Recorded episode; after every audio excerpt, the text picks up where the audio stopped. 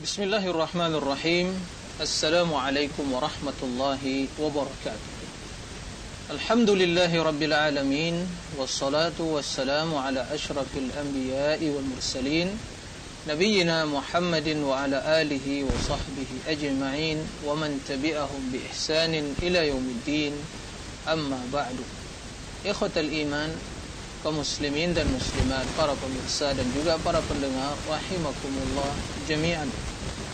Semoga Allah tabaraka wa taala senantiasa merahmati kita semua dan membimbing kita kepada jalan kebaikan serta memuliakan kita dengan keistiqomahan sampai akhir hayat kita. Allahumma amin.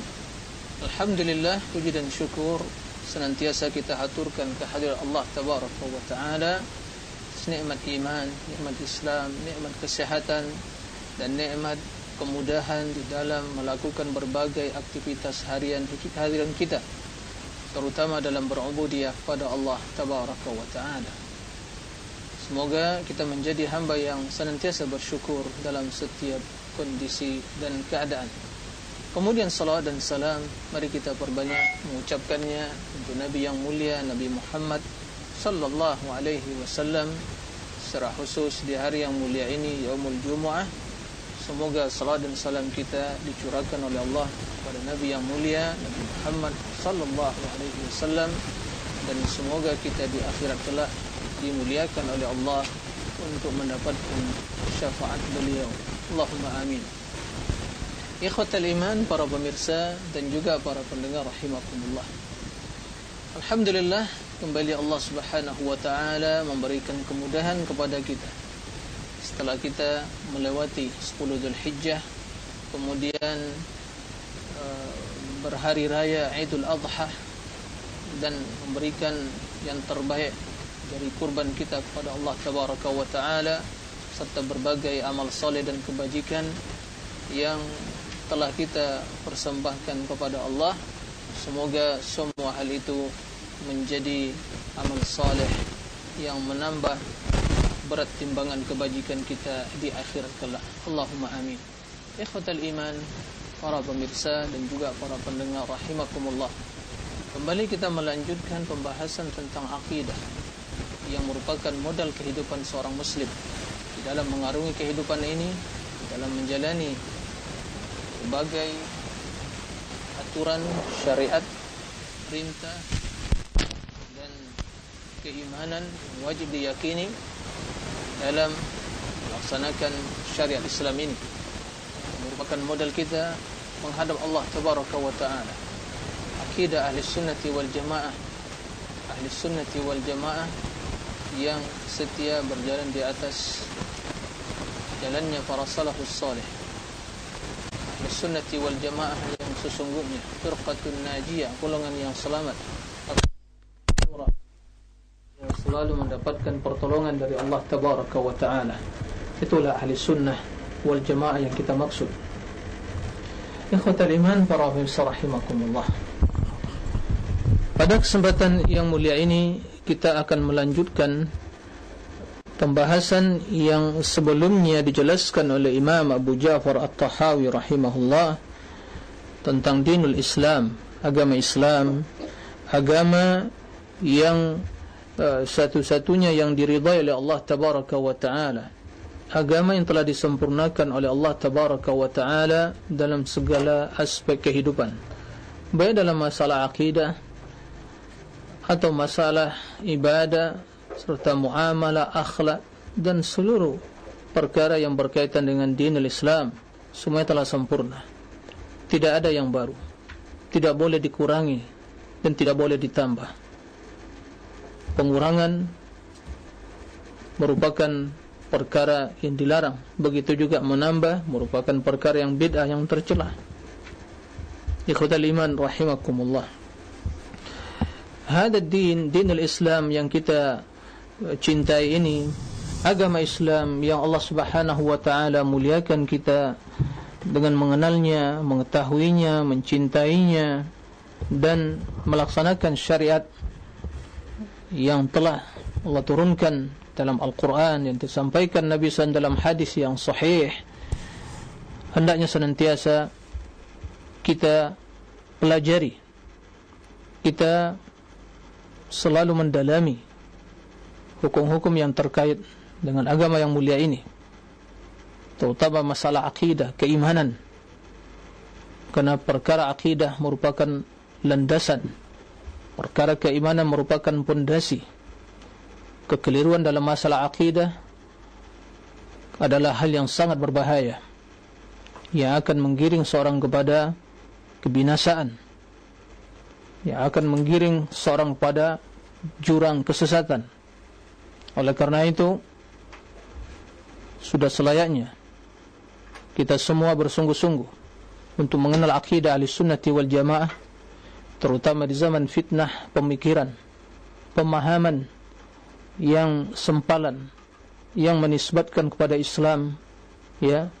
Baik masalah akidah kepada Allah akidah kepada Rasul baik masalah ibadah atau masalah hal-hal yang lain berkaitan dengan dinul Islam yang di zaman sekarang ini ahlul batil orang-orang yang menyimpang dari tuntunan Nabi SAW mereka mengerahkan seluruh potensi mereka, tenaga mereka ya untuk menebarkan kebatilan, menebarkan pemahaman yang sesat, mempertahankan tradisi dan budaya mereka dan menebarkan berbagai tuduhan keji dan juga ya kedustaan yang dikemas dengan kemasan yang mungkin ilmiah dalam pandangan sebagian atau dengan istilah-istilah yang menipu.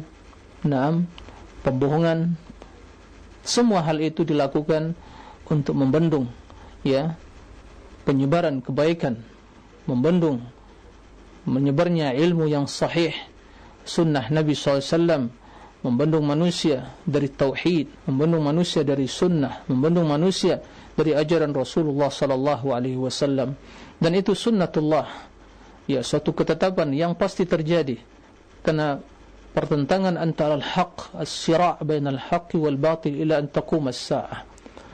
Perseteruan antara al-haq yang berjalan yang ber, yang tegak di atas kebenaran Al-Quran was sunnah yang tegak di atas wahyu dan antara kebatilan yang dibangun di atas pemikiran akal semata kemudian logika yang nyeleneh dan juga perasaan, tradisi, budaya, hawa nafsu, ya, semua hal itu dijadikan sebagai landasan oleh orang-orang yang menyimpang dari tuntunan Nabi SAW, ya, tentunya dengan membaca istilah-istilah agama untuk melancarkan, untuk menebarkan, untuk menyesatkan, untuk menanamkan keraguan pada diri orang-orang yang jahil tentang agama.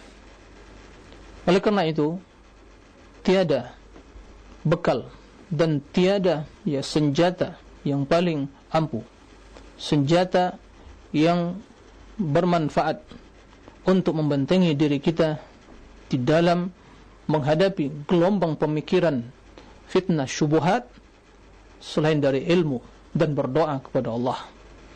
Ilmu yang sahih ilmu yang benar, ilmu yang berlandaskan Al-Quran, ilmu yang berlandaskan hadis Nabi Sallallahu Alaihi Wasallam. Kemudian doa yang selalu kita panjatkan kepada Allah Tabaraka wa Taala. Doa di waktu sujud kita. Ya muqallibal qulub, thabit qalbi ala dinik.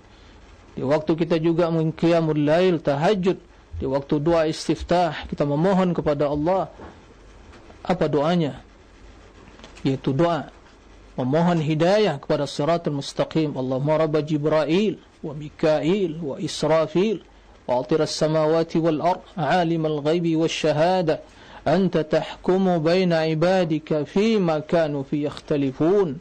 Ihdini lima ikhtalifa fihi min al-haqqi bi'innik innaka tahdi man tasha ila siratul mustaqim.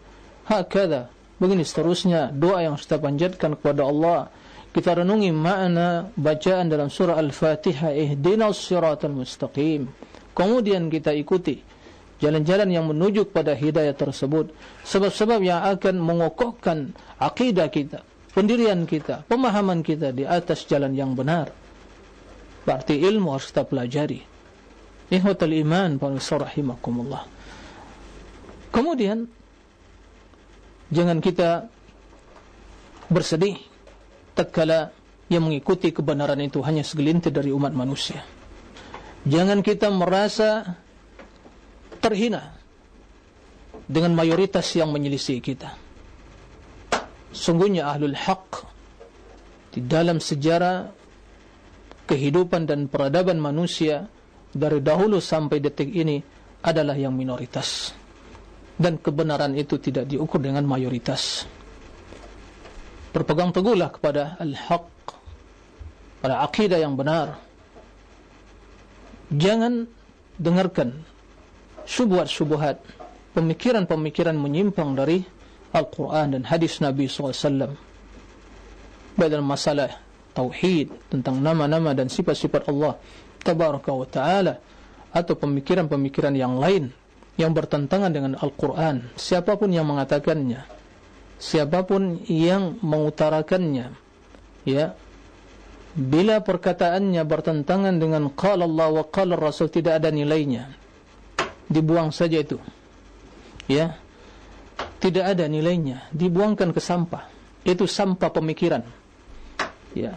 Tidak perlu digubrisi tidak perlu dikomentari. Kebatilan kalau dikomentari berarti merupakan promosi gratis terhadap kebatilan itu. Oleh karena itu na'am syubhat-syubhat itu dikritisi oleh orang-orang yang berilmu. Orang-orang yang awam jangan ikut menebarkan kebatilan itu. Jangan ikut meng-share ke sana sini.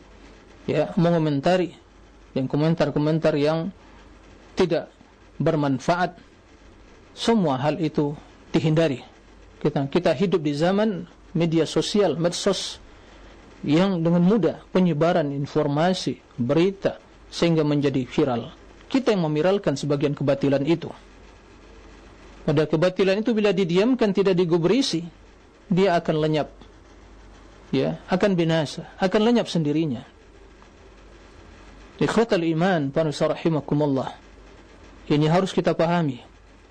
Agar kita tidak terjerumus ke dalam promosi gratis disadar atau tidak ya terhadap kebatilan itu. Nah, ikhwatal iman, para pemirsa dan juga para pendengar rahimakumullah. Al-Imam Abu Ja'far At-Tahawi rahimahullah menjelaskan bahawa dinullah, agama Islam, inna ad-dina inda Allah al-Islam, agama yang direstui, diridai, yang diterima oleh Allah adalah al-Islam. Islam secara umum yaitu pasrah dan berserah diri kepada Allah dengan mentauhidkan Allah, mengikhlaskan seluruh ibadah kepada Allah. Itulah agama para anbiya. Ya, itulah agama seluruh para nabi. Mengajak pada tauhid, berserah diri kepada Allah dengan mentauhidkan Allah, dengan beribadah kepada Allah. Naam, abdun lillah, hamba Allah, maka dia pasrah berserah diri kepada Allah. Datang perintah Allah dia laksanakan. Datang larangan Allah dia tinggalkan dia serahkan dirinya kepada Allah, bergantung kepada Allah, tawakal kepada Allah, berserah diri kepada Allah, berharap kepada Allah, takut kepada Allah. Hada huwa dinul Islam. Tauhid, inilah agama Islam dibangun di atas tauhid. Nah, kemudian secara khusus din yang landasannya Al-Qur'anul Karim yang dibawa oleh Rasul sallallahu alaihi wasallam yang diutus kepada umat manusia Marsalnaka illa rahmatan lil alamin. Kami utus kamu Muhammad ya kepada seluruh alam semesta ini. Al-Quranul Karim. Sehingga apapun agama, pemahaman, pemikiran setelah datangnya Rasul sallallahu alaihi wasallam membawa Al-Quran wahyu. Jika hal itu bertentangan dengan wahyu yang disampaikan Rasul sallallahu alaihi wasallam maka semua itu hal yang ditolak oleh Allah tabaraka wa taala. Karena Allah Subhanahu wa taala menjelaskan wa may yabtaghi ghayra al-islam dinan fala yuqbal min wa huwa fil akhirati minal khasirin. Dan siapa yang mencari agama selain Islam maka Allah tidak menerima hal itu darinya dan dia di akhirat menjadi orang-orang yang merugi. Agama yang telah disempurnakan oleh Allah tabaraka wa taala. Ayat dalam surah Al-Maidah yang diturunkan di syahrul haram di balad di baladil haram di yaum arafah ya di hajjatul wada. Al-yawma akmaltu lakum dinakum wa atmamtu alaikum ni'mati wa raditu lakum al-islam dina. Ayat yang sangat agung sekali. Yang sering kita dengar yang sering kita baca kaum muslimin menghafalnya. Tapi sedikit dari mereka yang memahami hakikatnya dan bahkan juga yang mengamalkannya. Tatkala agama telah sempurna maka tiada penambahan tiada pengurangan. Yang ada adalah pelaksanaan terhadap kesempurnaan Islam tadi. Tidak ada tambahan dalam akidah tidak ada tambahan dalam keimanan tidak ada pemahaman yang baru pemikiran yang nyeleneh. Ya. Tidak ada ibadah yang baru. Tidak ada tata cara pelaksanaan Islam yang baru. Ya. Tapi Islam yang kafah dalam segala lini kehidupan yang bersumberkan wahyu. Hadu wa dinullah. Ini agama Allah yang harus kita pelajari. Yang kita ikuti. Tidak ada alasan bagi seseorang di hadapan Allah nanti tatkala datang qala Allah wa qala Rasul. Ya Allah, saya mengikuti tradisi nenek moyang saya pendapat guru saya pendapat ustaz saya pendapat kiai saya pendapat dosen saya pendapat uh, pakar ini dan seterusnya. Allah tidak menerima hal itu. Anda sesat setelah jelas kebenaran maka anda yang bertanggungjawabkan ya. Kenapa diingkari sifat-sifat Allah? Ditakwil oh kena syekh fulan ustaz fulan kiai fulan mengatakan la ma yaqbal tidak diterima oleh Allah tabaraka wa taala. Kesesatan siapapun yang mengatakan kesesatan siapapun siapapun yang menebarkan dia akan memikul dosanya. Dan memikul semua dosa orang yang disesatkannya. Yang mengingkari tentang sifat-sifat Allah. Ya. Mengingkari tentang ketinggian Allah. Mengingkari tentang sifat istiwa. Dan dalam tujuh ayat dalam redaksi yang sama istawa alal arsh istawa alal arsh diingkari diselewengkan ditakwil dengan berbagai alasan ya yang mengingkari tentang ketinggian Allah. Ini pertanda orang-orang yang tidak pasal dan berserah kepada Allah. Orang-orang yang membangkang. Orang-orang yang mengedepankan akalnya. Yang lebih mengutamakan rasio dan logika yang telah nyeleneh dan pasat dan telah rusak tadi. Allah mengatakan dalam Al-Quran masih ada ya persepsi akal. Kita pertanyakan akal sesuai dengan akal atau tidak sesuai dengan perasaan atau tidak sesuai dengan tradisi atau tidak sesuai dengan pendapat ulama ini atau tidak. Enggak ada ahli sunnah yang beragama dengan cara yang seperti itu. Itu cara beragama ahlul kalam. Itu cara beragama ahlul batil ahlul bid'ah wal ahwa yang mengedepankan hawa nafsu. Ahlu sunnati wal jamaah ahlu sunnati wal jamaah yang sesungguhnya di dalam beragama apabila Allah telah menjelaskan dari Rasulnya sami'na wa ata'na tidak main logika-logika lagi ya tidak main akal-akalan lagi kena akal harus mengikuti syariat bukan syariat mengikuti akal Allah mengatakan Ar-Rahman al-Istawa dalam tujuh ayat dalam Al-Quran, redaksi yang sama. Tidak ada dalam satu redaksi tersebut istawla, enggak ada, itu berkuasa. Semua redaksinya sama. Thumma istawa alal arsh. Setelah ciptakan langit dan bumi. Istawa alal arsh. Setiap yang belajar bahasa Arab memaklumi maknanya ya Allah tinggi di atas arsh. Istawa irtafa'ah. Kemudian datang orang-orang yang telah menyimpang pemikirannya dari kaum Jahmiyah, Mu'tazilah atau Asy'ari dan yang lainnya mengatakan, "Oh ya enggak, diselewengkan." Istaula. Berkuasa. Ini bentuk pengingkaran terhadap sifat, tapi dengan cara yang lebih halus. Karena kalau diselewengkan berarti mengingkari makna yang sesungguhnya, makna hakiki tadi. Inilah makar dan propaganda ahlul kalam jahmiyah. Dan ternyata itu yang diwasiatkan yang didoktrinkan oleh Bishr al-Marrisi kepada murid-murid mereka. Al-imam Abu Sa'id ad-Darimi rahimahullah dalam kitab Naqdu ala Bishr al-Marrisi Marrisi, menyampaikan atau menyebutkan sebuah riwayat bahawa murid-murid Bishr al-Marrisi tokoh sentral jahmiyah di zaman ya Imam Ad-Sa'id ad-Darimi. Itu ditanya oleh murid-muridnya wahai imam maksudnya imam mereka ya Bagaimana sikap kami terhadap ayat-ayat atau hadis-hadis yang diriwayatkan oleh para perawi yang fiqat ya dari Rasulullah tentang sifat-sifat Allah? Yang dijadikan oleh mereka itu ahli sunnah sebagai hujah untuk membantah mereka dan menjelaskan kebatilan kesesatan pemikiran-pemikiran kaum Jahmiyah yang mengingkari sifat-sifat Allah. Kata apa wasiat? Ya wasiat dan doktrin. Ya Besen merisi kepada murid-muridnya. Ya jangan kalian ya ingkari secara terus terang. Jangan. Ya. Jangan. Kena kena kan saufa atau la tunkiruh fatuftadahu jangan terus terang kalian mengingkarinya. Kalian akan tersingkap kebatilan dan niat busuk kalian. Lakin gimana caranya? Wa ghalituhum. Ya kecohumkan mereka. Gimana caranya? Ya bitawil ghalituhum bitawil begitu untuk mengecohkan al sunnah bitawil fa idza awaltumuhu faqad ra'attumuhu wardattumuhu bilutfin. Jadi dengan cara yang halus.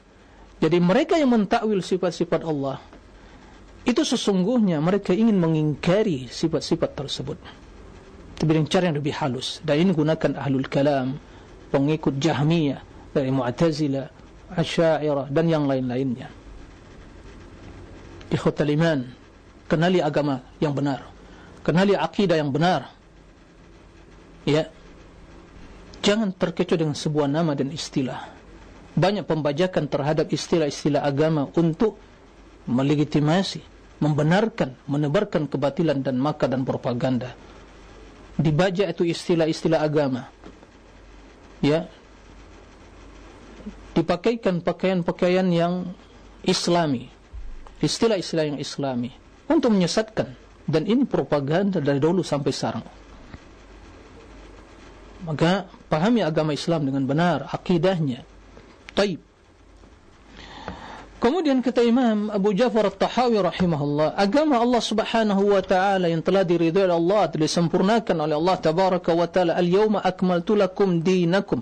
Dan din mencakup akidah, mencakup ibadah, akhlak dan seluruh perkara ad-din.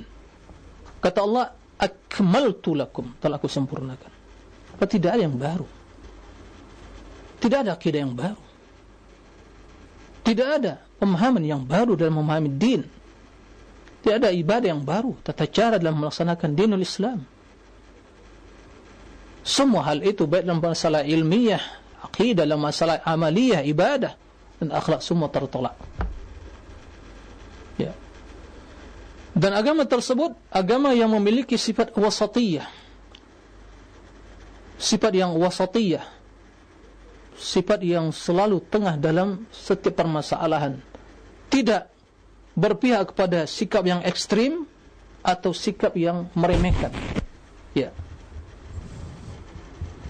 Tidak berpihak kepada ekstrim, pemikiran yang ekstrim, yang berlebihan gulu atau sifat yang meremehkan. Ya.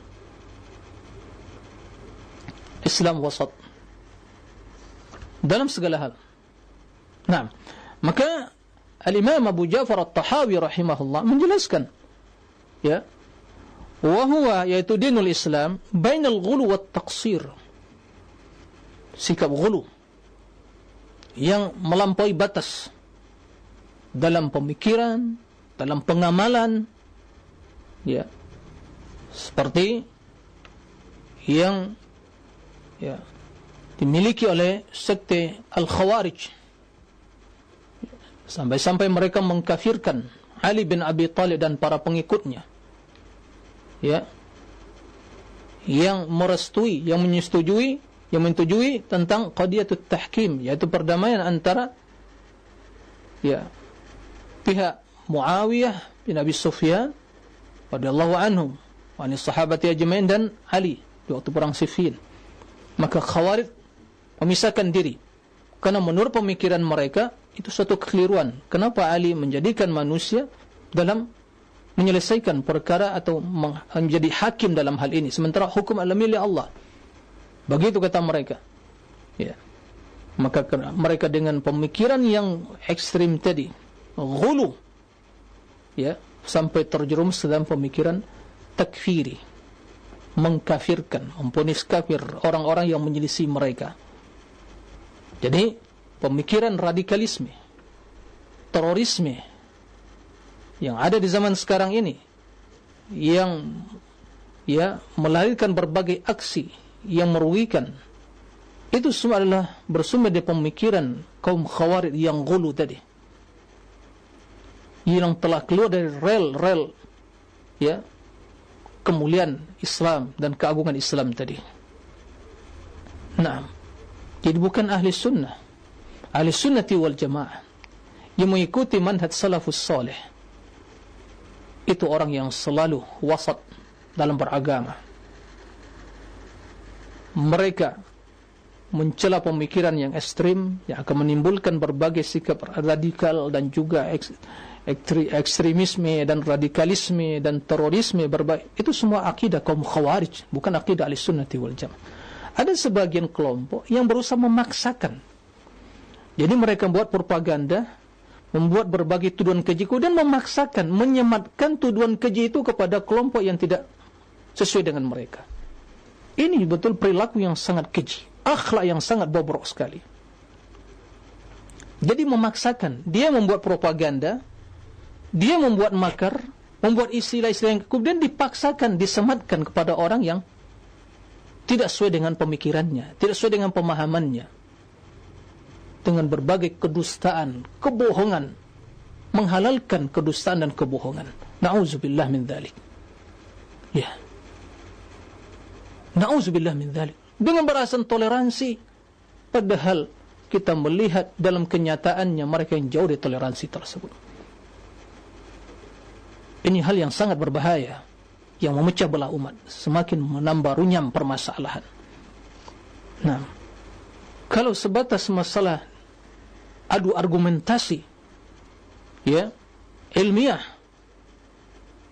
Tujuan al-haq ya bisa mungkin dari satu sisi diladeni. Tapi kalau hanya untuk ya, berusaha memaksakan ya istilah-istilah tersebut disematkan kepada saudaranya yang menjelaskan dia ini hal yang sangat keji sekali. Dan dia akan menanggung di akhir kelak ya dosa tersebut dan akan memikul. Ya. Ikhwata lima bahasa rahimakumullah. Jadi dinul Islam yang selalu wasat. Tidak terjun dalam pemikiran ekstrim kaum khawarid ya. Kemudian juga tidak taksir.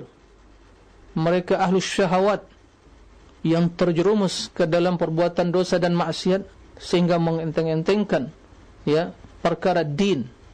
Ya menggampang-gampangkan masuk agama dia tidak mempelajari tidak mengenal bahkan bermudah-mudah dalam perbuatan maksiat dan dosa menggampang-gampangkan hal itu. Ini ahlu taksir, ahlu ma'asi. Yang tadi ahl asyubuhat. Ya, ahlul ghulu. Semua hal itu laisa min dinil Islam. Dinul Islam wa kadzalika ja'alnakum ummatan wasata. Ya, demikianlah kami jadikan ummatan wasata. Yaitu al-haq, ini standarnya. Mengikuti kebenaran. Di antara dua kebatilan tadi dan dua kesesatan dan pemikiran tadi. Al-haq wasat. Na'am. Kemudian kata imam Abu Ja'far At-Tahawi wa baina at-tashbih wa at-ta'til. Agama Islam yang telah disempurnakan oleh Allah ya dalam masalah pemikiran tadi masalah al-asma' wal ahkam nama dan hukum ya seorang itu mukmin, fasik, ya kafir, itu semua ada hukumnya. Nama, istilah kaum khawarid mengkafirkan yang menyelisih mereka. Kemudian di sisi lain kaum murjiah yang menganggap bahawa dosa itu tidak ada pengaruhnya terhadap keimanan. Melakukan dosa maksiat atau imannya sempurna. Kaum murjiah. Karena mereka mengatakan amalan bukan dari iman. kedua-duanya pemikiran yang sesat jalan yang menyimpang ahli sunnati wal jamaah mereka yang wasat seorang yang melakukan dosa tidak serta merta dihukumi sebagai kafir dia masih beriman selama dia tidak menghalalkan perbuatan dosa tersebut tapi imannya berkurang sehingga menjadi mukmin naqisul iman. Mukmin tapi imannya berkurang. Karena mukmin itu ada yang sempurna imannya ada yang berkurang disebabkan dosanya. Nah dan dosa yang dilakukan berpengaruh pada imannya. Hakada akidah ahli sunnah. Bila akidah ahli sunnah wal jamaah. Akidah salafus salih. Nah akidah orang-orang mengikuti salafus salih.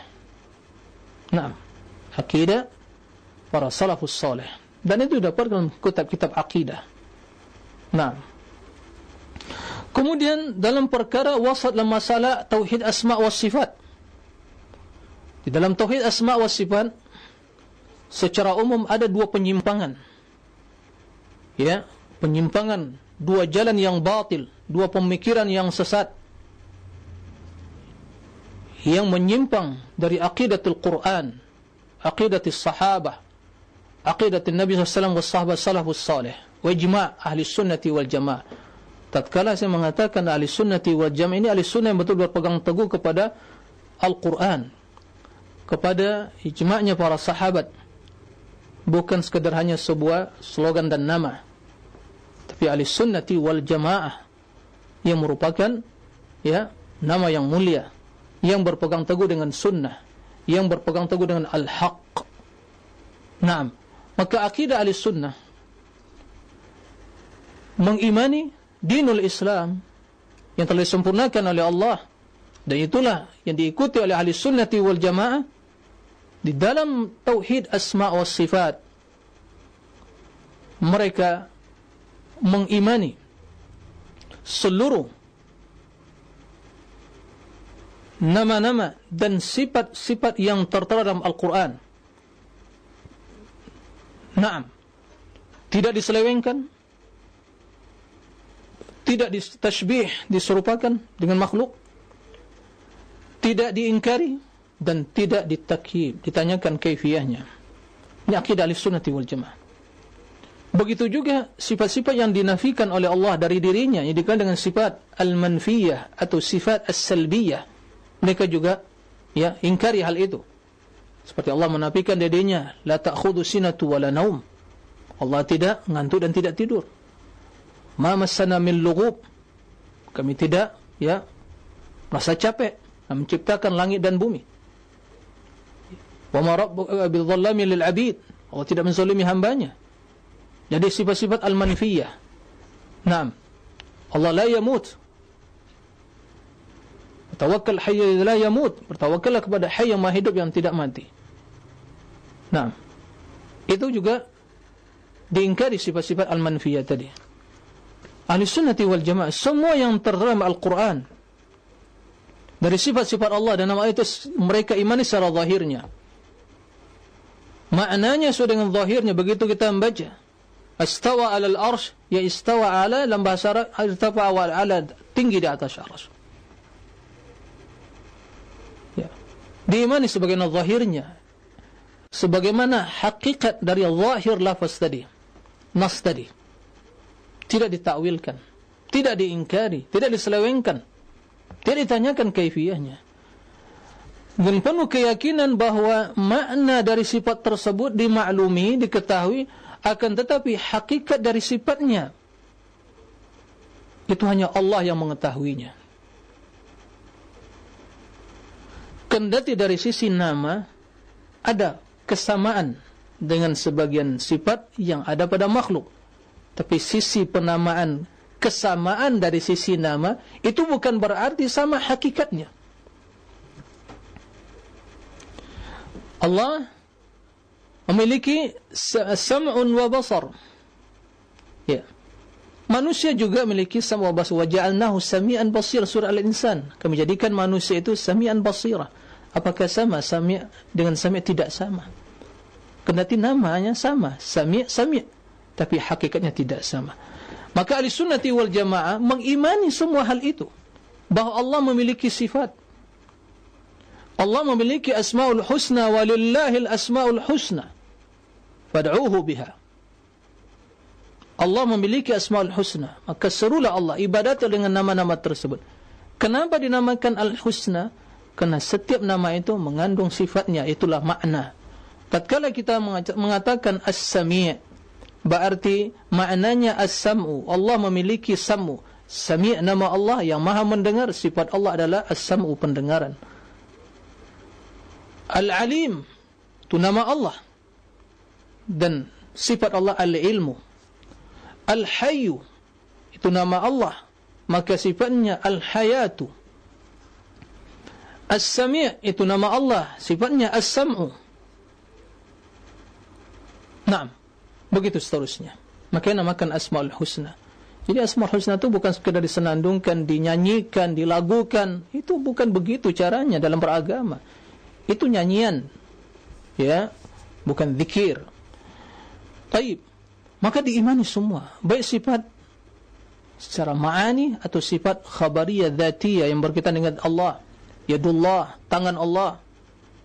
Ya mata kaki. Dan juga sifat fi'liyah. Istawa 'alal arsh. Atau nuzul. Ke langit bumi sepertiga malam terakhir dalam hadis yang sahih. Ya. Dalam hadis tersebut Allah juga berbicara, siapa yang berdoa akan aku kabulkan, siapa yang memohon akan aku beri, siapa yang memohon ampun akan aku ampuni. Nah, ini hadis yang sangat ya uh, bagaikan duri di kerongkongan ahli bidah. Ya. Karena dalam hadis tersebut penetapan sifat nuzul bicara. Allah juga berbicara. Ya dan kalam. Naam, ikhwatal iman, para rahimakumullah. Maka ahli sunnati wal jamaah menetapkan semua sifat itu sesuai dengan kebesaran dan keagungan Allah. Mereka tidak mentashbih dan juga mereka tidak mengingkari. Ya. Ithbatun bila tashbih mereka tetapkan tanpa menyerupai. Naam wa tanzihun bila ta'til dan mensucikan Allah tanpa mengingkari maka kalau ada orang yang ingin mensucikan Allah mengagungkan Allah lalu diingkari sifat tersebut itu bukan pengagungan itu namanya ta'til pengingkaran maka tatkala ahli sunnati wal jamaah menetapkan sifat-sifat Allah baik sifatul ma'ani sifat ma'ani tujuh sifat yang diyakini oleh kaum asyairah hayatun iradatun, qudratun, sam'un, basarun, ilmun, na wa kalam, atau sifat al-fi'liyah yang berkaitan dengan kehendak Allah, masyiatullah, istawa alal arsh, atau nuzul, ke langit bumi, sepertiga malam terakhir, atau mahabbah, atau ghadab, dan yang lainnya. Mahabbah itu kecintaan, atau ghadab, ya, kemurkaan atau marah. Atau sifat al-dhatiyah al-khabariyah berkaitan dengan zat Allah yang landasannya hanya semata-mata dalil dari wahyu. Yadullah lima khalaqtu biyadayya walitusna ala aini mata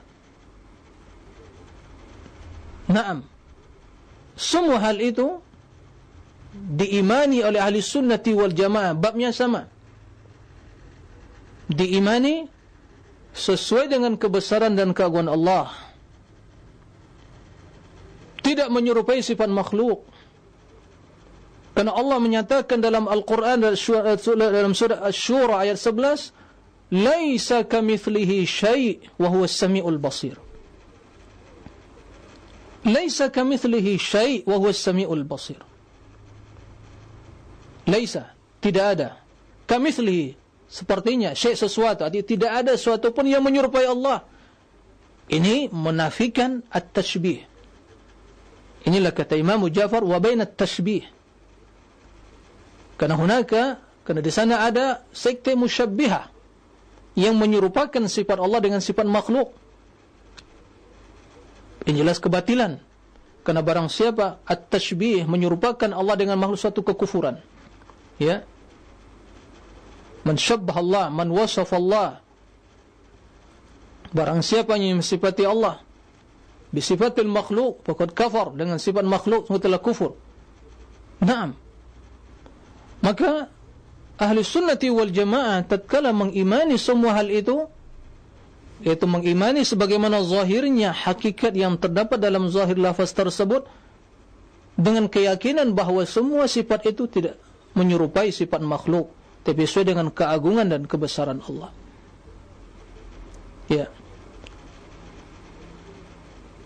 Tatkala kita menetapkan istawa alal arsh yang dalam bahasa Arab istawa yang sekarang lagi diperdebatkan ya dimunculkan berbagai pemikiran-pemikiran diungkit lagi didaur ulang lagi sampah-sampah pemikiran kaum Jahmiyah. Kemudian dikemas lagi kemasan ya kontemporer ini.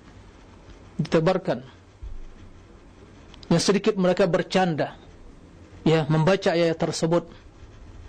Dengan juga disertai dengan logika-logika yang nyeleneh dan menyimpang. Tapi fitrah mereka tidak bisa dipingkari ternyata mereka dalam banyak penyampaian ceramah mereka ternyata juga mengangkat tangan ke atas. Kenapa angkat tangan ke atas? Tatkala menyebut Allah. Jadi fitrahnya meyakini bahawa Allah di atas arash tapi kena hawa nafsu. Kena syubuhat yang mengotori hati mereka, fitrah mereka. Disadar tidak mereka terjerumus ke dalam ya pengingkaran kaum Jahmiyah. Dia bukan ahli sunnati wal jamaah. Suatu kebatilan dan kebohongan atas nama ahli sunnati wal jamaah bila mengingkari sifat kemudian atas nama ahli sunnati wal jamaah. Ini pendustaan. Ini adalah kedustaan yang luar biasa terhadap ahli sunnati wal jamaah. Cari dalam kitab, dalam Al-Quran, dalam hadis, dalam kitab kita akidah ahli sunnah. Tidak ada yang mengingkari sifat. Semua menetapkan sifat tersebut. Sebagaimana zahirnya istawa al arsh ala wartafa'a. Ya. Jelas sekali ayatnya. Enggak perlu ta'wil ta'wil. Ya. Sehingga kata Imam Malik istawa ma'lum. Sudah betul dipahami maknanya. Wal kaifu majhul. Bagaimana kaifiannya? Ya jangan ditanyakan. Itu majhul tidak diketahui. Maka kita di satu sisi maknanya ketahui tapi di sisi lain kaifian tidak diketahui. Nah, ahli sunnah tatkala mengatakan istawa sesuai dengan kebesaran keagungan Allah. Allah tidak butuh kepada arash tatkala seorang berlogika dengan nyeleneh berarti kalau Allah istawa alal arsh persepsi mereka tatkala seorang raja duduk di atas singgasananya istawa ala arshihi membayangkan berarti singgasananya lebih besar dari raja tadi. Kalau singgasananya jatuh maka raja akan jatuh yang istawa di atasnya. Istawa ala dhahrihi. So istawa ya di atas kapal misalnya berlayar di atas kuda. Bila kuda jatuh dia akan jatuh. Bila kapalnya tenggelam akan dia juga tenggelam. Itu persepsi istawa ala dalam pemikiran kita yang berkaitan dengan makhluk Loh anda sekarang berbicara tentang siapa tentang makhluk tentang Allah ya tentang Allah yang kebesarannya tidak bisa dibayangkan cukuplah kita melihat ya kebesaran Allah dari satu sisi kita memahami dengan kebesaran makhluk. Aras itu makhluk yang paling besar. Yang dipikul oleh delapan malaikat. Ya. Aras itu tegak dan malaikat bisa memikulnya dengan izin Allah. Semua alam semesta langit dan bumi. Ya.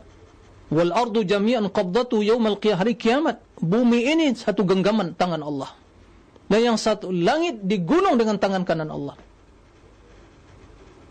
Perumpamaan arash dengan kursi yang kursi yang meliputi langit dan bumi wasi'a kursiyuhus samawati wal ard. Bagaikan ya sekeping uang logam yang kita lemparkan padang Sahara yang luas. Tidak ada perbandingannya. Dan itu aras makhluk yang paling besar. Allahu akbar wa a'zam. Ya. Dalam hadis sebutkan Nabi sallallahu alaihi wasallam beliau menceritakan karena diizinkan oleh Allah untuk menyampaikan kepada umatnya bagaimana besarnya ciptaan fisik salah satu dari malaikat yang memikul arsh. Antara daun telinga ini dengan pundaknya masiratu sab'i mi'ati am. Jaraknya itu sepanjang atau seluas sebesar 700 sabu mi'ati am. 700 eh, tahun perjalanan. Itu satu. Bisa anda membayangkan? Taib. Sekarang bukankah Allah menyebutkan malaikat itu ada memiliki dua sayap tiga sayap ya dan Jibril situ mi'a janah Jibril yang menutupi langit semuanya taib enggak perlu banyak-banyak bagaimana bentuk 600 sayap tadi. Coba tiga saja. Sebutkan kepada kita sekarang ini. Wahai kaum mu'attilah. Kaum jahmiyah yang mengingkari sifat-sifat dengan akal mereka. Yang menakal-akalan dalam beragama. Sebutkan kepada kita semua. Bagaimana kaifiyah dan bentuk tiga sayap tadi. Mana posisi sayap satu lagi? Kalau kiri kanan, tahu. Dua. Kiri kanan. Tapi yang satu lagi di mana sayapnya? Bisa? Jika menyebutkan satu malaikat yang tiga sayap tidak tahu kita bagaimana sayap yang ketiga di mana posisinya. Lalu bagaimana Rabbul Alamin yang menciptakan?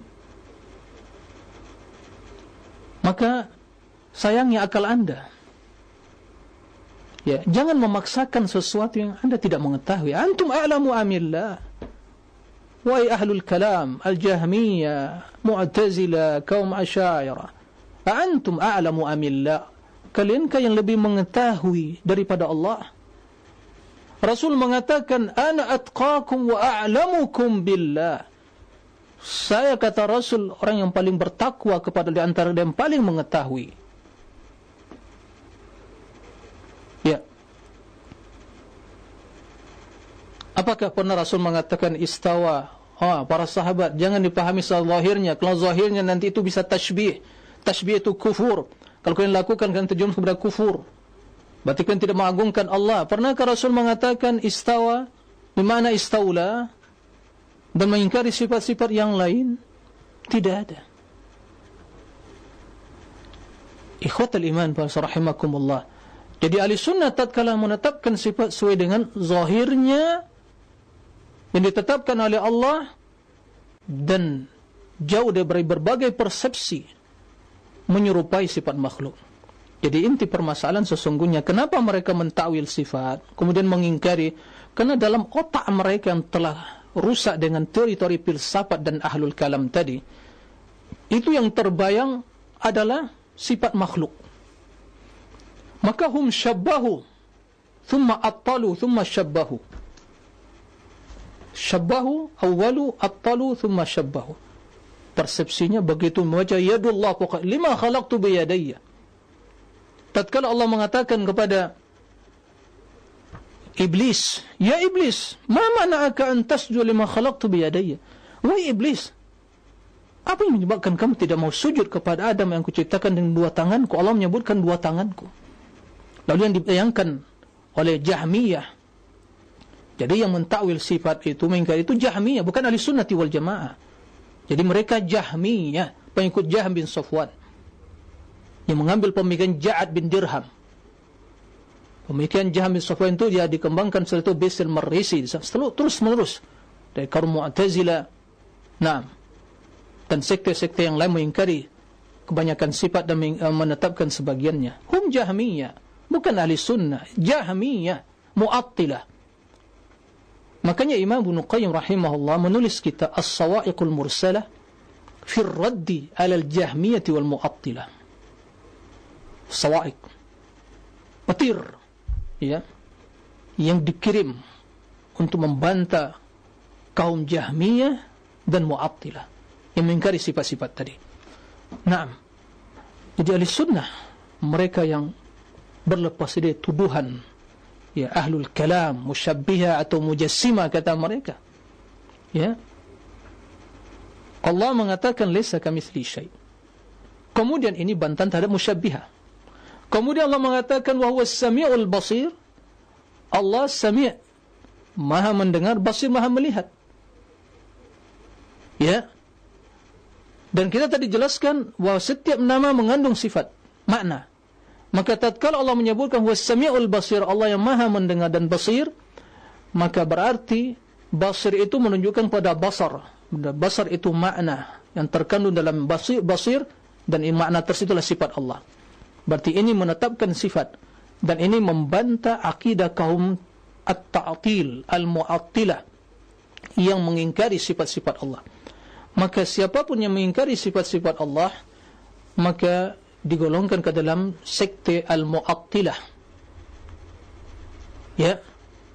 Baik pengingkaran secara keseluruhan itu kaum jahmiyah al-mu'tazilah yang mengingkari semua sifat Allah atau yang mengingkari kebanyakan dan menetapkan sebagian saya tujuh sifat. Yang dikalian sifat al-ma'ani sebagian ditetapkan kaum asyairah dan mengingkari menyelewengkan sifat-sifat yang lain sifat khabariyah, dhatiyah dan fi'liyah seperti istiwa atau nuzul turunnya ke langit bumi kemudian al-mahabbah ya kemudian juga uh, al-ghadab dan yang lainnya dan juga mentawil sifat-sifat dhatiyah khabariyah tangan ditawil dengan nikmat atau kekuasaan begitu juga ya wajah dan juga mata ditakwil oleh mereka. Karena menurut mereka pemahaman mereka yang telah rusak tadi mengatakan kalau ditetapkan sebagaimana zahirnya berarti ini akan melazimkan tashbih dan tashbih batil. Karena Allah mengatakan laisa kamitsli syai' juga berada dengan Al-Qur'an tapi diselewengkan pemahamannya. Menurut mereka Allah tidak menyerupai sesuatu. Betul? Kemudian mereka beralih kepada ayat tadi. Lima khalaqtu biyadayya. Kalau tetapkan tangan bagi Allah, berarti Allah serupa dengan makhluk. Karena mereka hanya memahami tangan sesuai dengan tangan yang dipahami yang ada pada makhluk. Ya subhanallah. Anda berbicara tentang makhluk atau tentang Allah? Logika apa yang dipakai? Kata mereka ahli logika, berlogika. Menurut akal.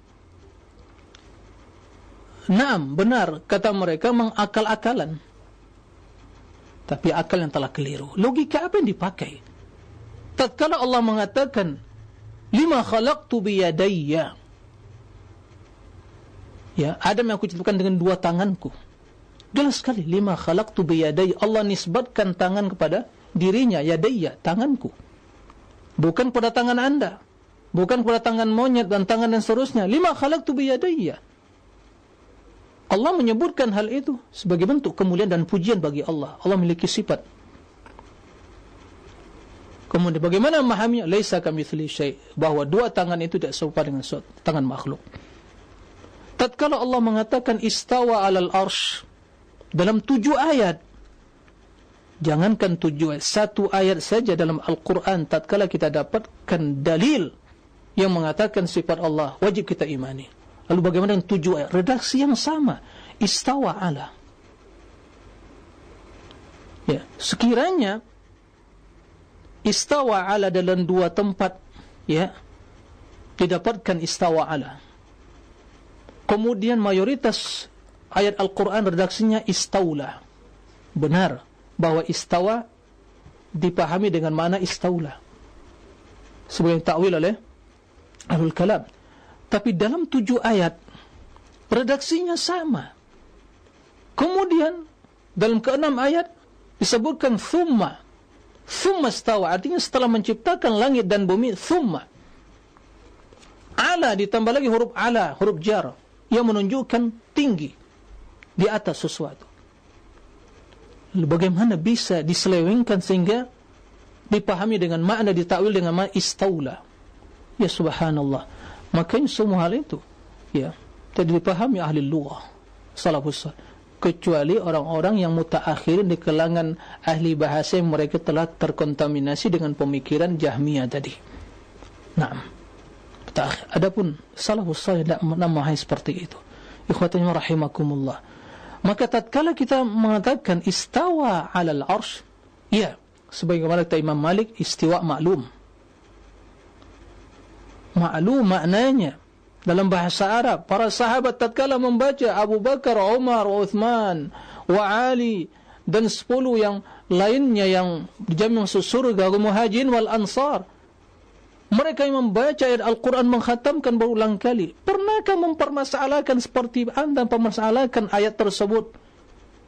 Kemudian menjadikan bahan ya dalam diskusi dan pertanyaan anda sebentuk lelucon dan juga disertai dengan ya, ya sedikit tertawa dan seterusnya. Ya. Ya subhanallah. Aina ta'zim? Aina pengagungan kepada Allah azza wajal pengagungan kepada Al-Quran Al-Karim. Aina ta'zim? Aina pengagungan kepada Allah subhanahu wa ta'ala? Sungguh benar kata Allah. Karena tak kala mereka tidak mengagungkan Allah itulah yang menyebabkan mereka mentakwil mengingkari dan berolok-olok dan tertawa ketertawa ketiwi ya. Sambil ya mengutarakan logika-logika sesat mereka. Allah menjelaskan Al-Quran wa ma qadarullah haqqa qadri yawm al-qiyamah was samawati matwiyatun bi yamini subhanahu wa ta'ala amma yushrikun wa ma qadarullah haqqa qadri itu yang menyebabkan sungguh mereka itu tidak mengagungkan Allah dan pengagungan sesungguhnya. Bagaimana bisa mereka ya tidak mengagungkan Allah? Sementara kata wal alu jami'an qabdatu yaumal qiyamah bumi semuanya pada hari kiamat dalam satu genggaman tangan Allah. Was samawati matwiyatun bi yaminil dan langit semua digulung oleh Allah tabaraka wa taala. Tubu ila Allah ya. Taubat kepada Allah. Kembali kepada ajaran yang benar. Kembali kepada akidah yang benar. Ya. Apa yang anda tebarkan? Pentakwilan sifat. Ya menyematkan berbagai tuduhan keji kepada orang-orang yang mengikuti Al-Quran mengikuti sunnah anda akan memikul dosanya. Ya. Kita hanya dalam hidup ini tidak lebih dari ya mungkin rata-rata 60 sampai 70 setelah itu kesesatan yang anda tebarkan akan dipikul. Ya. Man dalla ala khairin kafa'il barang siapa menunjukkan kebaikan maka dia akan mendapatkan pahalanya. Sebaliknya man sanna sunnatan sayyi'atan na'am. Fa alaihi wizruha. Wizru man tabi'ahu ila yaumil qiyamah dia memikul dosanya dan dosa orang disesatkannya. Ya apalagi zaman sekarang ini ya. seorang yang menyebarkan pemikiran dengan berbagai media rekaman video misalnya ya berapa juta manusia disesatkan seandainya mereka mendengar hal itu maka anda memikul dosanya anda yang memikul dosanya. Nah, silakan mau memikul dosa atau mau bertaubat di dunia ini kembali ke jalan yang benar itu pilihan Anda. Baik. Maka al-sunnah wal jamaah baina at-tashbih wa at-ta'til. Baina at-tashbih wa at-ta'til. Maka merupakan kejian dusta. Eh, tuduhan dusta. Keji, uh, tuduhan yang sangat keji. Merupakan tuduhan dusta. Ya. Dan merupakan tujuan yang uh, tuduhan yang sangat keji tak kala memaksakan ya dipaksa istilah-istilah yang keji itu disematkan kepada ahli sunnah yang menetapkan sifat Allah. Ya. Sebagaimana juga berbagai maka dan propaganda berusaha menyematkan radikalisme ya dan juga terorisme pemikiran radikal ya ini menjadi bola liar ya sesuai keinginan ya diartikan, dipahami sedemikian masing-masing pemikiran untuk menjatuhkan ya untuk menghujat. Orang yang tidak sesuai dengan pemikiran sebagian kelompok dengan istilah radikal-radikal. Ya semua hal itu adalah bentuk propaganda menghalang umat manusia dari mengikuti kebenaran. Tapi tentunya kita tidak perlu gentar. Kita tidak perlu ya takut kepada agama Allah ini karena Allah yang menjaga. Tapi kita yang harus waspada dan takut pada diri kita. Jangan-jangan kita bisa ya terjatuh ke dalam syubhat mereka. Maka bekali dia dengan ilmu. Pahami akidah ahli sunnati wal jamaah. Ikhwatal iman ahli sunnati wal agama Allah baina tashbih wa ta'til ini ungkapan Imam Ja'far at-Tahawi ya. Akidah yang menetapkan sifat Allah bukan ya akidah yang hanya dimiliki oleh kelompok pengikut madhab tertentu. Ya monopoli madhabnya hambali misalnya tidak ini madhab ahli sunnah yang mengikuti keempat imam tadi yang mengikuti sunnah.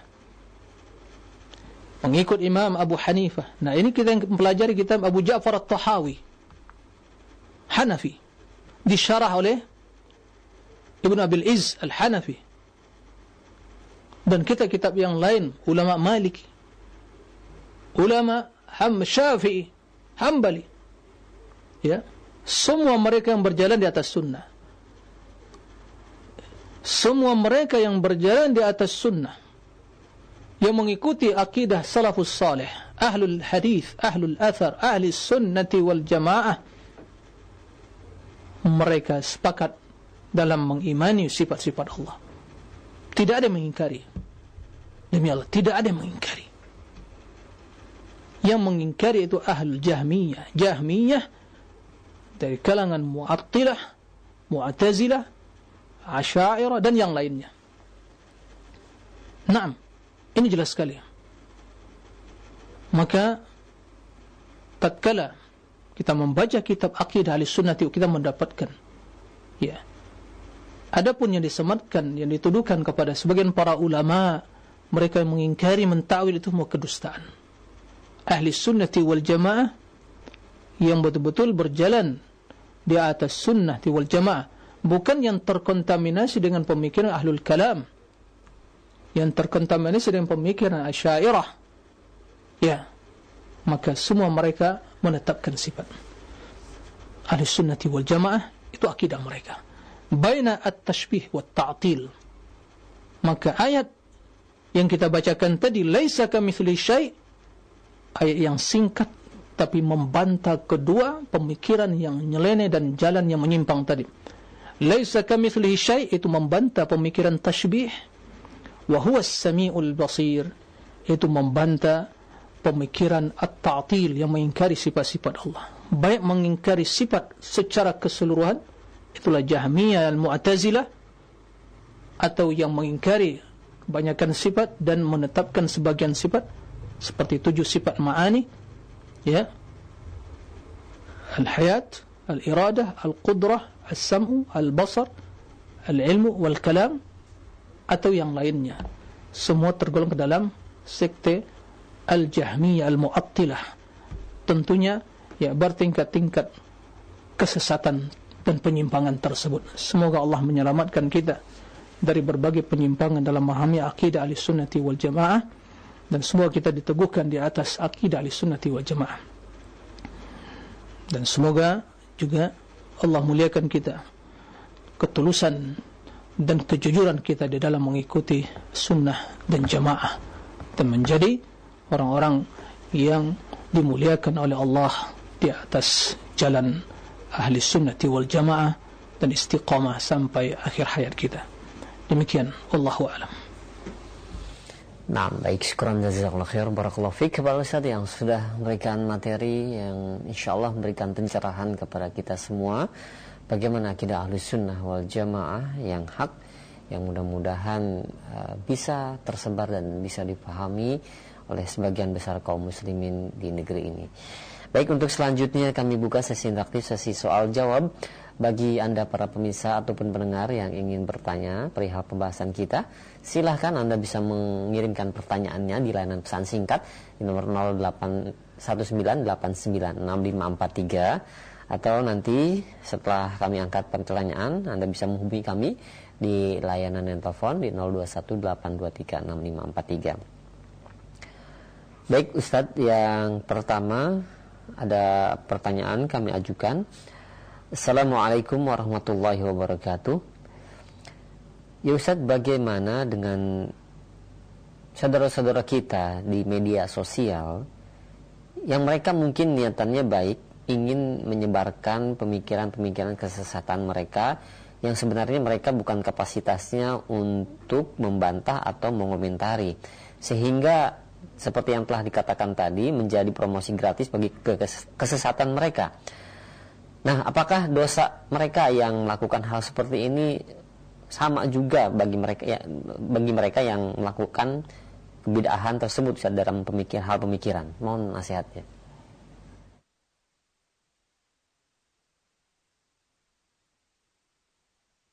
Ya, terima kasih kepada yang bertanya. Ini pembahasan yang uh, apa ya? Pertanyaan yang bisa dikatakan pertanyaan yang berkaitan dengan kondisi kita di zaman medsos ini. Ya, disadari atau tidak. Ya, ternyata memang media sosial ini sungguh ya.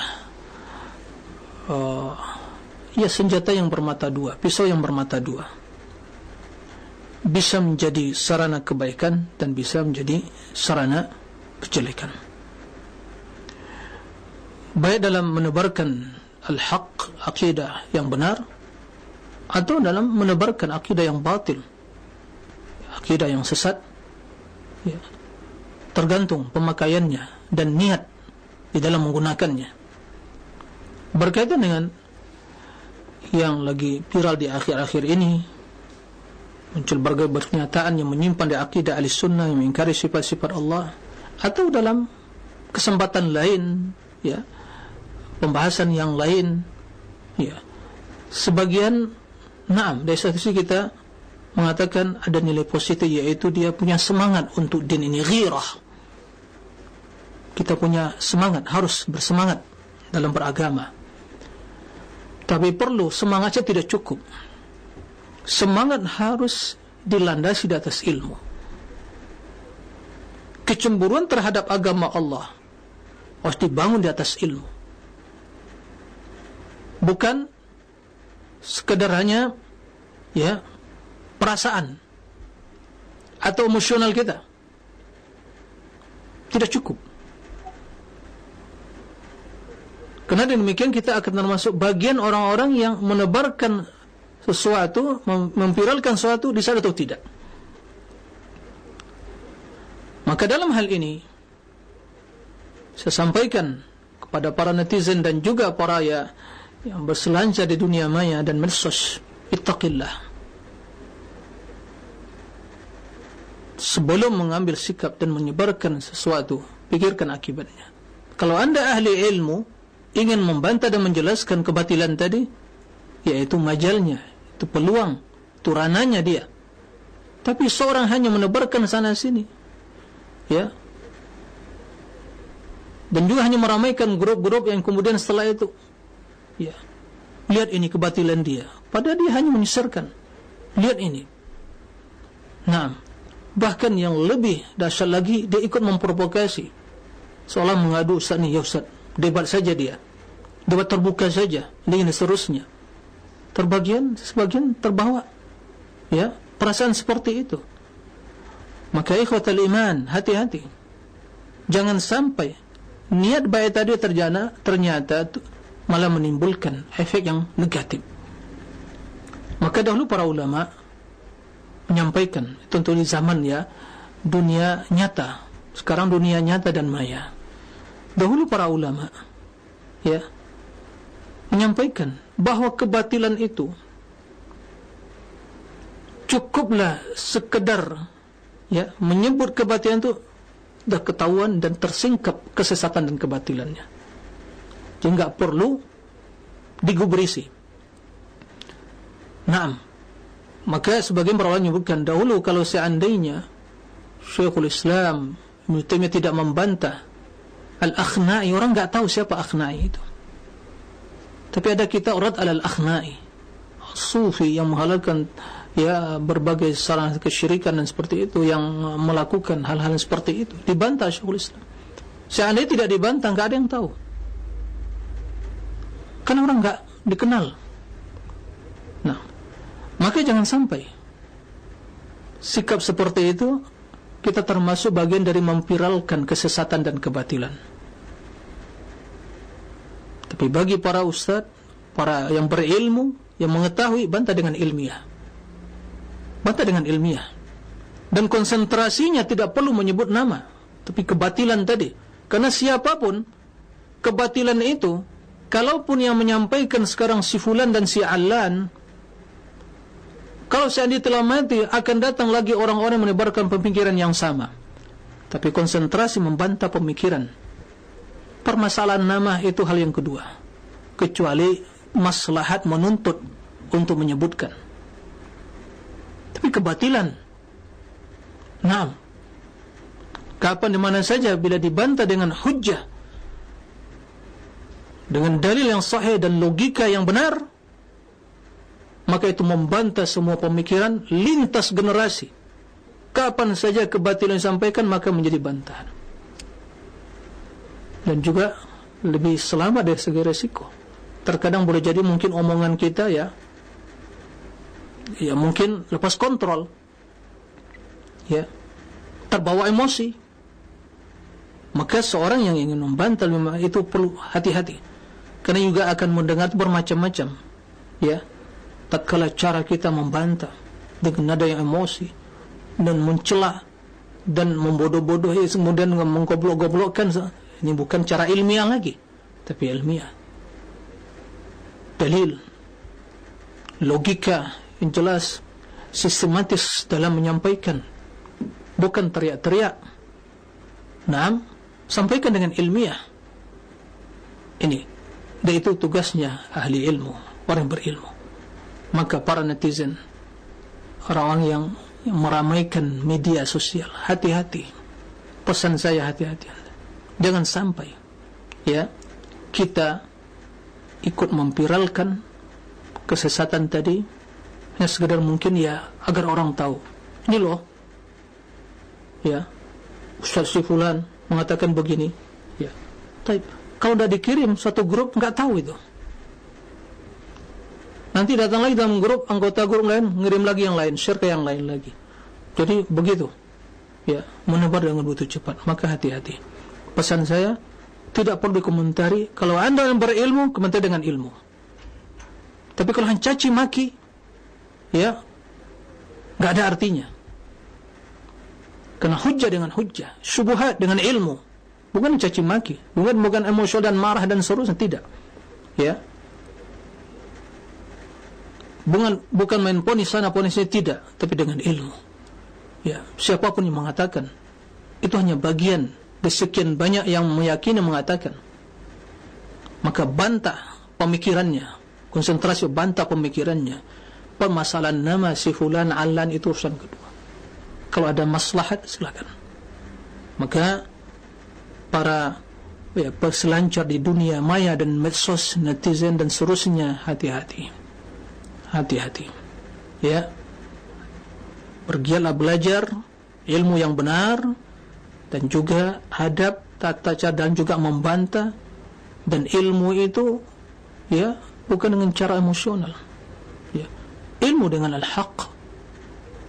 Apapun dikatakan ahlul batin memang begitulah cara mereka membuat kita emosi tapi seorang yang berilmu dia tidak akan lepas kontrol. Dia konsentrasi menjadi al-haq, membantah syubhat-syubhat tersebut. Bukan individu yang mengatakannya. Enggak perlu dia individu siapa mengatakan. Mau ibliskah, mau namanya syaitan kah namanya, enggak penting. Ya, mau si fulan dan alan, ya. Yang penting syubhat itu dibantah. Nah. Dijelaskan. Tapi siapa yang jelaskan? Al-Haq. Nah, ini yang harus disampaikan, yang harus dipahami. Mudah-mudahan ini bisa didengar dan dipahami oleh kaum muslimin.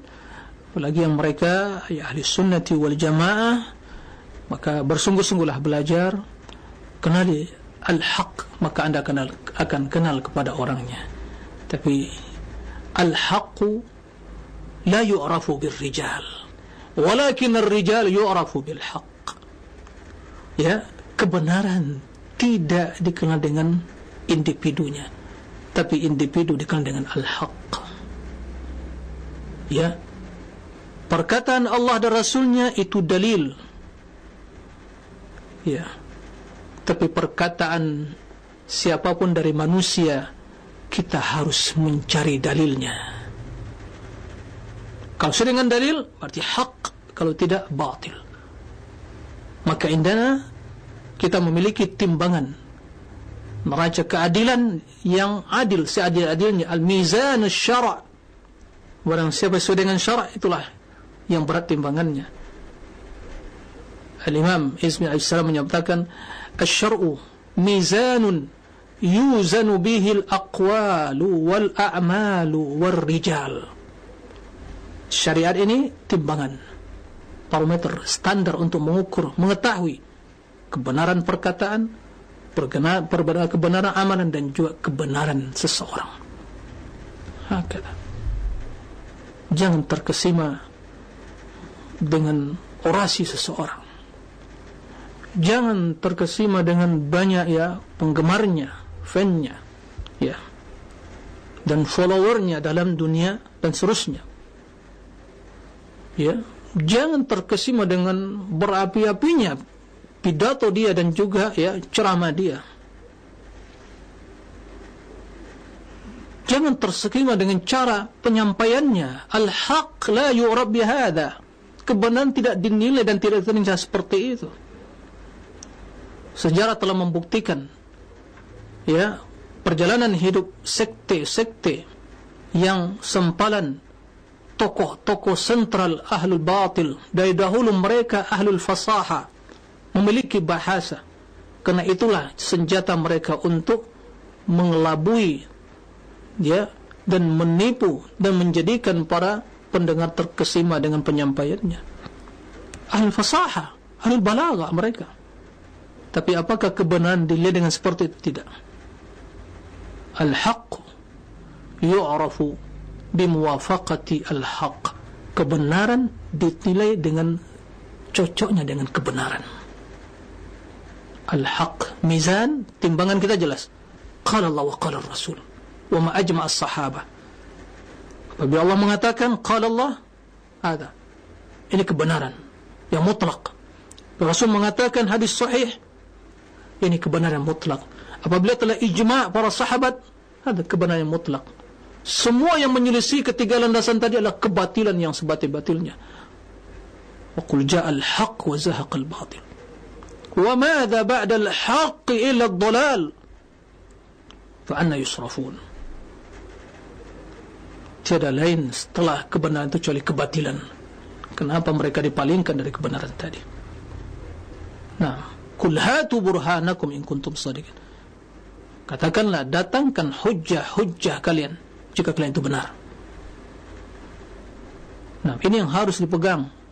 Ini prinsip beragama. Ini bukan tawar-tawaran dalam hal ini. Ya, tidak bisa negosiasi dalam hal ini. Ini adalah prinsip. Ini adalah pedoman hidup yang harus dipegang. Harus dipegang. Jangan dilepaskan gigi dengan gigi kita, gigi geraham kita, sekuat-kuatnya. Apalagi di zaman sekarang ini. Orang yang berpegang hanya separuh-separuh. Yang enggak serius, dia terombang-ambing, bingung dia. Nah, ini yang harus perhatikan. Mudah-mudahan ini bermanfaat bagi saya terlebih dahulu yang menyampaikan.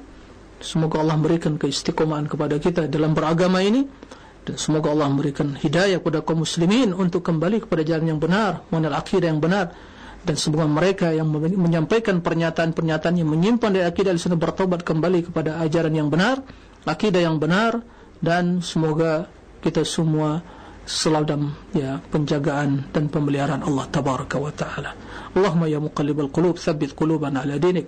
اللهم رب جبرائيل وميكائيل وإسرافيل فاطر السماوات والأرض عالم الغيب والشهادة. أنت تحكم بين عبادك فيما كانوا فيه يختلفون. اهدنا لما اختلف فيه من الحق بإذنك. إنك تهدي من تشاء إلى الصراط المستقيم. اللهم أرنا الحق حقا وارزقنا اتباعه. وأرنا الباطل باطلا وارزقنا اجتنابه. ولا تجعل ملتبسا علينا فنضل يا رب العالمين. اللهم اهدنا الصراط المستقيم. اللهم اهدنا الصراط المستقيم. اللهم اهدنا الصراط المستقيم. اللهم آت نفوسنا التقوى. زكي أنت خير من زكها. أنت وليها ومولاها. هذا وصلى الله وسلم بنا محمد وآله وصحبه وسلم. والحمد لله رب العالمين. والسلام عليكم ورحمة الله وبركاته.